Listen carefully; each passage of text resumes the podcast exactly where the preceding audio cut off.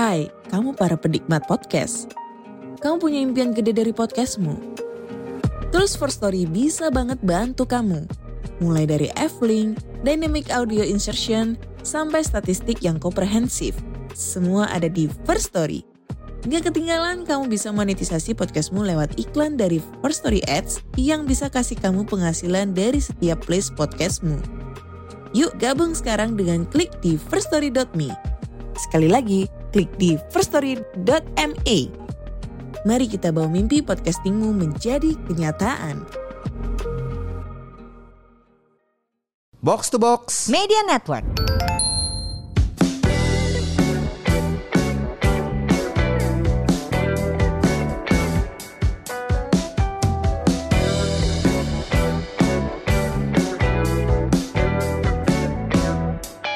Semurian, welcome back. Ini dia podcast Semur Sehat Makmur. Podcast ini mengajak kamu untuk sehat jasmani dan makmur finansial bersama saya Ligwina Hananto dan partner siaran ke Hello. Halo halo, ada FX Mario di sini. Nah, kita tuh di beberapa episode lalu kan sempat bikin recordingnya di Tori Bro. Cie, bisnis Mario yang baru, bisnis Mario yang baru.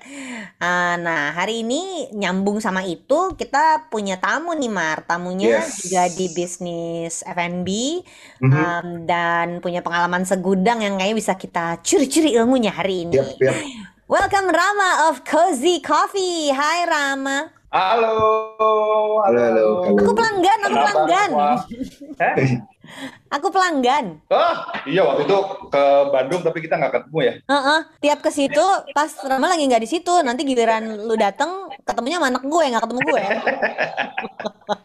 Jadi ini buat yang nggak familiar ya, Cozy ini eh, di Bandung terkenal lah. Gue bulan lalu kan sempat liburan ke Bandung, terus dasar si orang Jakarta yang dicari pertama adalah kopi dong.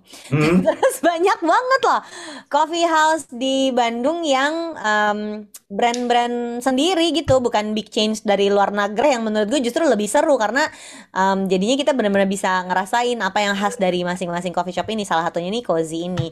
Gue beberapa kali tuh ke Cozy yang di Dipati Ukur, Mak. Oh ya ya ya itu cozy yang dibuka pas lagi pandemi. Oh. Oh.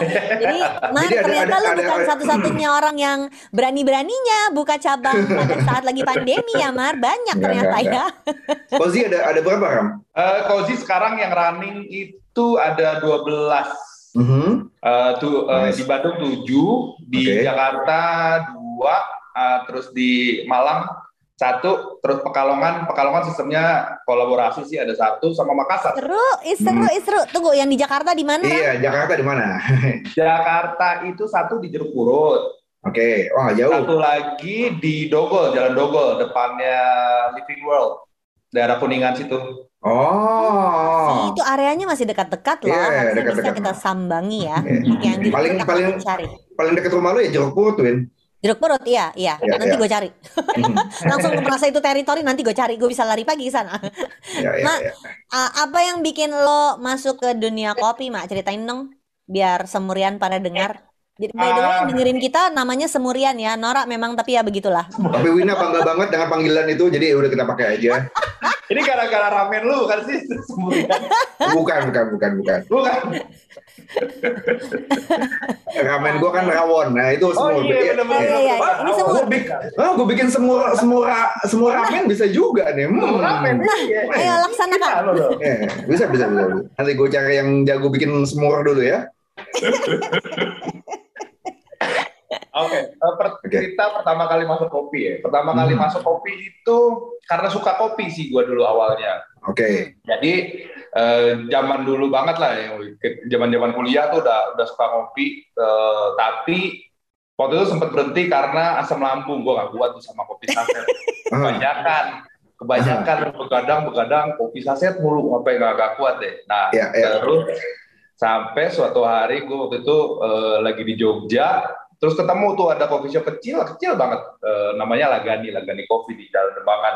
Sekarang sih kalau nggak salah udah nggak ada. Eh, Gua ke situ ya, karena tempatnya lucu, terus gua ngopi. Habis ngopi kok nggak kenapa-napa ya gitu. Kok Hmm. nggak ada asam lambung, nggak ada apa nih. Terus besoknya gue datang lagi, datang lagi. Itu tiap hari gue ke situ.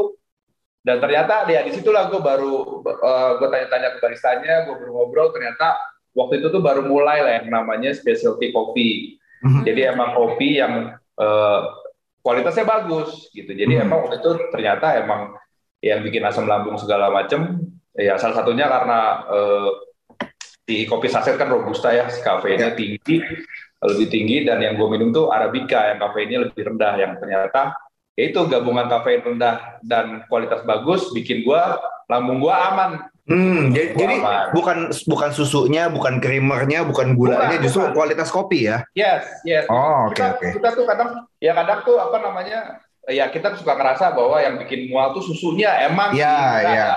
kita Ada lactose intoleran. intoleran Hmm. tuh. Iya. Ah, ah. tapi itu biasanya bikin mual bukan bikin asam lambung Oke. gitu nah yang di sini bikin asam lambung ya si si kafeinnya itu Oke. nah habis itu mulailah gue sering-sering uh, sering ke Jakarta terus gue minum ya minum di anomali minum di Hmm. tren waktu itu keliling keliling kopi hopping semakin jatuh cinta lah gue sama kopi gitu nah terus uh, waktu itu uh, jadi gue di Jakarta terus gue memutuskan untuk pulang ke Bandung buat nemenin uh, almarhum nyokap Uh, dulu uh, nyokap sendirian lah di Bandung udah udah tua juga Ya. Uh, gue memutuskan untuk balik ke Bandung uh, waktu itu sih mikir sih di Bandung gue ngapain tapi ya karena waktu itu usia udah lumayan lah Hmm. bukan muda lagi kayak memulai memulai karir di Bandung tuh apa ya gue terakhir terakhir dulu di Jakarta soalnya posisinya jadi eh, di sosial media lah gue dulu ngurusin iPhonesia Hmm.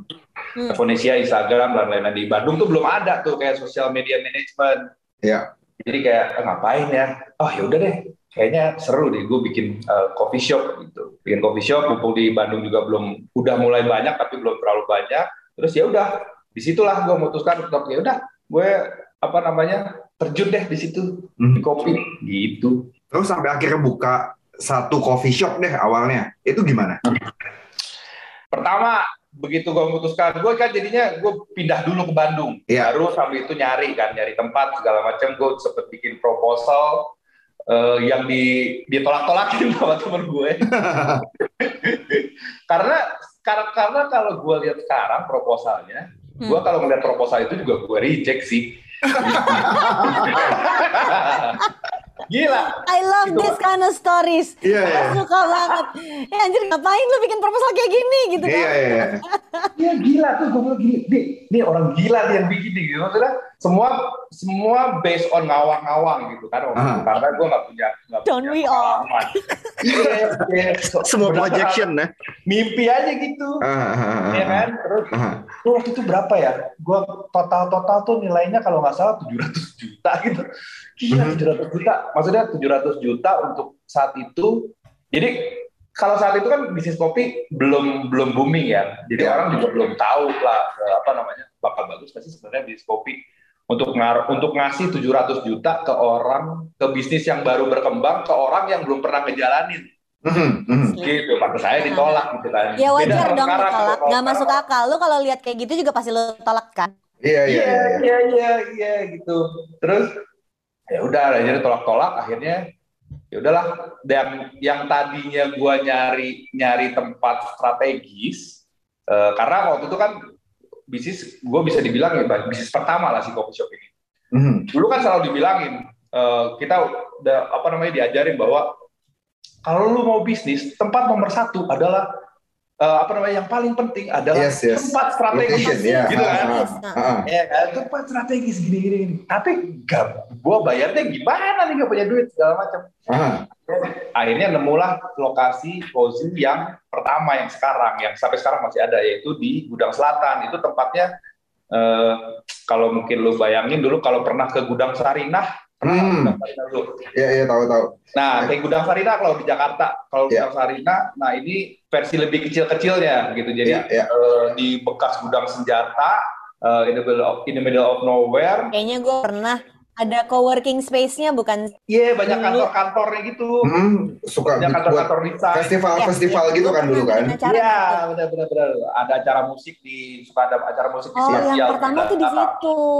Yang pertama di situ gitu. Jadi gua ngambil di situ pilihan yang hanya karena sewanya murah gitu. Itu gua dapat dapat eh, dapat space doang nih belum ngebangun itu 15 juta setahun. Oke. 15 juta Hmm. setahun. Eh, terus ya udahlah waktu itu gua eh, berlima. Gue ngajak-ngajak teman-teman gue, partner berlima, akhirnya kumpul-kumpulin duit 15 juta. Udah dapet eh, apa namanya buat nge si tempat itu. Hmm. Gitu. Nah abis itu nggak punya duit. gue jadi gue ngambil eh, apa namanya gue ngambil tempat itu Maret 2015 uh, gua gua gua ambil lah. Nah, ngebangun, ngumpulin duit buat alat segala macem, baru running di Desember 19 Desember 2015, persis sehari setelah Star Wars. Star Wars yang mana? Itu Star Wars yang halo? Star Wars yang ini, yang apa namanya? Yang baru keluar tuh waktu itu. Gue lupa judulnya apa. A- apa Rock One? Eh bukan Rock One Solo eh. Bukan. Yang ke- Solo yang yang, tujuh. bioskop apa? Oh tuh, oh yang tujuh. Oke oke oke. Tujuh. Tujuh. Ya Ya ya.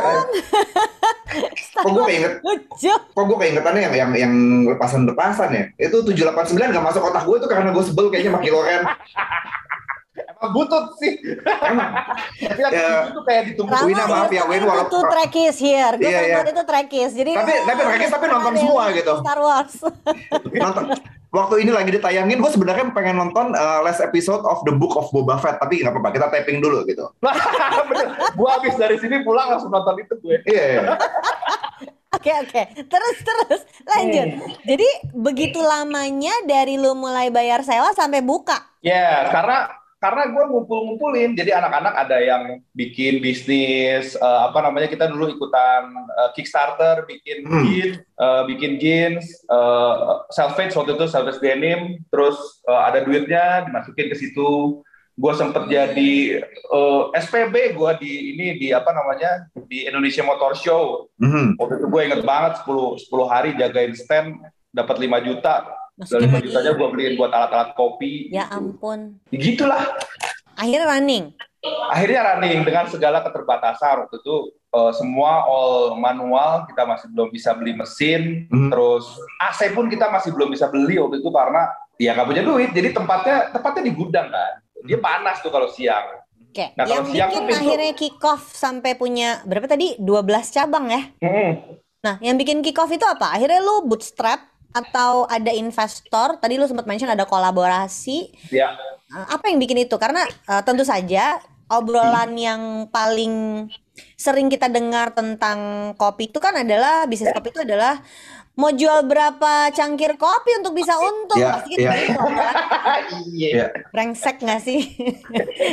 gue denger itu yang nyesek gitu, tapi memang kenyataannya saat berbisnis kan, lu Hmm, revenue streamnya dari mana gitu? Ya. betul betul betul jadi eh, sebenarnya jadi mulai mulai orang jadi sebagian besar konsep bisnis cozy itu eh, kerjasama Hmm. gitu. Jadi kerjasama antara bisa dibilang empat pihak.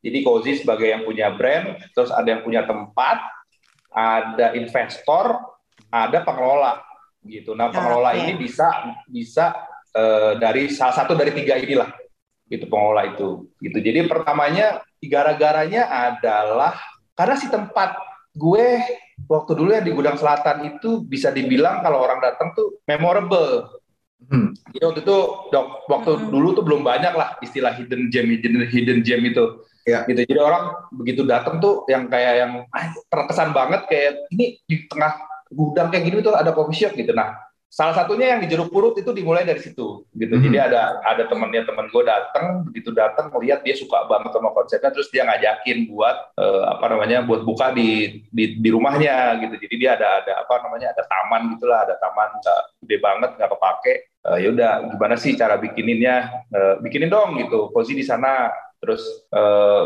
abis itu ada temen temennya temen gua yang rumahnya di Bandung yang di Budara tuh di atas kegedean. Yang punya rumahnya pengen pindah ke rumah yang lebih kecil tapi nggak mau dijual rumahnya. Pengen diaktifin jadi sesuatu bikinin apa dong? Ya kayak gitu. Jadi sebagian besar kayak gitulah. Jadi ada yang punya tempat minta di tempatnya diaktifasi terus gue bikinin proposal. Karena gue udah bisa, udah tahu pengalaman, jadi gue bikinin proposal tuh, gue bikin proposal, gue butuh dana sekian, eh, pemasukan eh, kira-kira eh, profit sekian, gue lempar ke konsul ke, ke apa ke teman-teman gue dulu. Nah, karena mereka udah ngeliat, oh jalan nih ternyata si Cozy. Jadi waktu itu cabang pertama tuh setelah satu satu tahun lah, satu tahun lebih kita jalan. Jadi mereka ngeliat, oh udah bagus nih, eh, si Cozy berjalan, coffee shop juga lagi lagi eh, lebih berkembang lagi gitu. Jadi mereka lebih percaya untuk naruh naruh duitnya di gue. Gitu. Let's talk about the numbers then. Di pin tweet loh. Ini semurian bisa eh, kepoin di Twitternya Kozirama at K O Z I R A M A. Di Ya. pin tweet itu lu tulis dan ini menurut gue yang gue sebagai orang yang sering banget bikin edukasi finansial tentang bisnis itu selalu kepentok sama business owners yang nggak tahu laporan keuangan, nggak ngerti cara nyatetnya. Padahal sebetulnya pemilik bisnis itu bukan bagian nyatetnya, dia bagian baca laporan keuangannya. Jadi kalau nggak ada laporan Ya. keuangan apa yang mau dibaca gitu. Nah, pin tweetnya Rama tuh bilang gini, hitungan bisnis warung kopi yang sehat menurut pengalaman gue dengan persentase itu diambil dari omset. COGS 35%, rental 10%, wages 20%, fixed cost 5%, marketing 5%, maintenance 5%, sama profitnya 20%. Boleh ceritain nggak, Ma, ini tuh kayak gimana biar orang kebayang? Karena kan orang tuh suka nggak kebayang ya, em, ada persentase-persentase yang akan membantu si pemilik bisnis ini mengambil keputusan, juga membantu dia kalau mau cari investor ya. Ya, betul. Oke, jadi Gimana? gue bisa menemukan eh, angka itu itu kalau nggak salah di tahun ketiga atau tahun keempat gitu. Mhm. Itu gara-gara jadi benar tadi yang seperti diceritain bahwa eh, bisnis bisnis owner tuh jarang ada yang bisa baca laporan keuangan padahal itu penting banget. Nah, Hmm. gue mulai gue mulai mempedulikan soal laporan keuangan itu di tahun ketiga tahun keempat lah. Kenapa? Karena kozi gue mulai banyak tapi kok duitnya nggak nambah-nambah ya. Ini semua yang punya bisnis bisa teriak sama kak gitu. banyak kan begitu kan kayak Iya, iya, capeknya doang. berat Heeh, outlet heeh. gua outlet gua tambah banyak penjualannya bagus-bagus Kok rekening gua? pada, pada ke mana gitu kan heeh. pada ke mana ya ternyata ya itulah eh, apa namanya setelah oh habis itu baru gua hire hire emang hire orang keuangan buat bikin laporan keuangan dengan yang sebagaimana mestinya lah gitu nah jadi kalau balik lagi ke yang tadi soal persentase persentase eh, itu misalnya gini eh, pertama kita ambil eh, apa namanya biaya paling tinggi lah biaya paling tinggi yang biasanya di di apa namanya dibebankan ke pemilik usaha adalah biaya sewa Yes. sewa ini Mm-mm. eh, sesuatu yang nggak bisa Pamaeh di- lah ya ini Pak Pamaeh iya lah pama, gitu ya hah, hah. Jadi- Apa itu? Apa itu?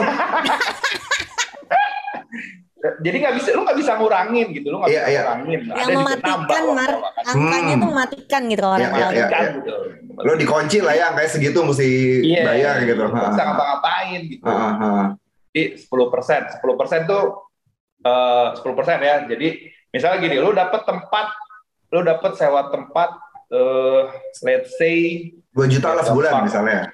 biar biar biar gampang angkanya misalnya 120 juta lah Oh setahun, oke, 120 tahun juta. 120 juta setahun berarti kalau dari hitungan yang yang yang gue itu lu punya maksimal tuh kan 10% kan budgetnya nah Hmm. berarti lu harus bisa Jualan menghasilkan omset, omset 1,2 m yes. setahun Bisa, bisa ngitung Gitu. mundur ya. Iya, iya. Iya betul, itu mundur satu juta, 1,2 m setahun, sebulannya 100 juta, gitu. Per harinya berarti sekitar 3,3 juta 3 juta. Ah. omset, gitu. Nah, lu lihat deh di situ. Dihitung tuh si cupnya berapa. Iya, cupnya Iya, iya. berapa, terus eh, sitting areanya berapa, misalnya, ah ternyata tempatnya sitting areanya cuman 20 misalnya, Mhm. kan agak berat tuh, gitu, agak berat tuh 20 20 20 sitting untuk mencapai 3,3 Mhm. misalnya. terus atau eh, terus lu bu- bukanya misalnya di tempat eh, mahasiswa misalnya udah udah sama tempatnya sedikit terus yang datangnya pasarnya mahasiswa yang datang sekali datang nggak beli banyak dan nongkrong lama Mhm. gitu kan masuk nggak kira-kira nih si targetnya 3,3 gitu Target audience lu siapa, Mak? kalau target audiens gue sih dari mahasiswa sampai sampai pekerja sih sampai Di tiap- karyawan Di tiap cabang mungkin berbeda ya berarti kalau kayak gitu. beda-beda, beda-beda betul. Makanya di gue ju- di Cozy tuh harga bisa beda-beda tergantung lokasinya. Oh, oke. Oh. Jadi itu sampai pengaruh ke eh, Penentuan harga. harga ya. Iya, pengaruh penentuan harga. Mana Terus- kursi yang paling mahal? Iya, iya, iya, iya. Mana iya kursi di mana paling mahal? Lokasinya Oh, Iya kan? Paling mahal. Lokasi Oke. Pamae di mana lokasi Pamae? Nah, untungnya ya, untungnya Cozy nih hampir eh, semua sistemnya sharing. Ah, Oke.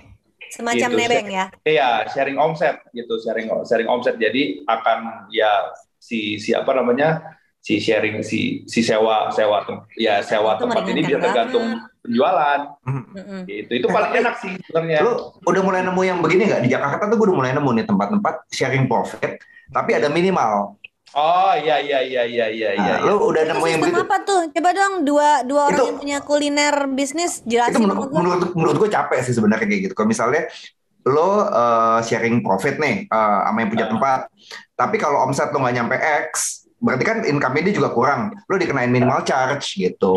Ah. Udah mulai kayak gitu. Itu menurut gue, aduh nggak deh, capek kayak gitu.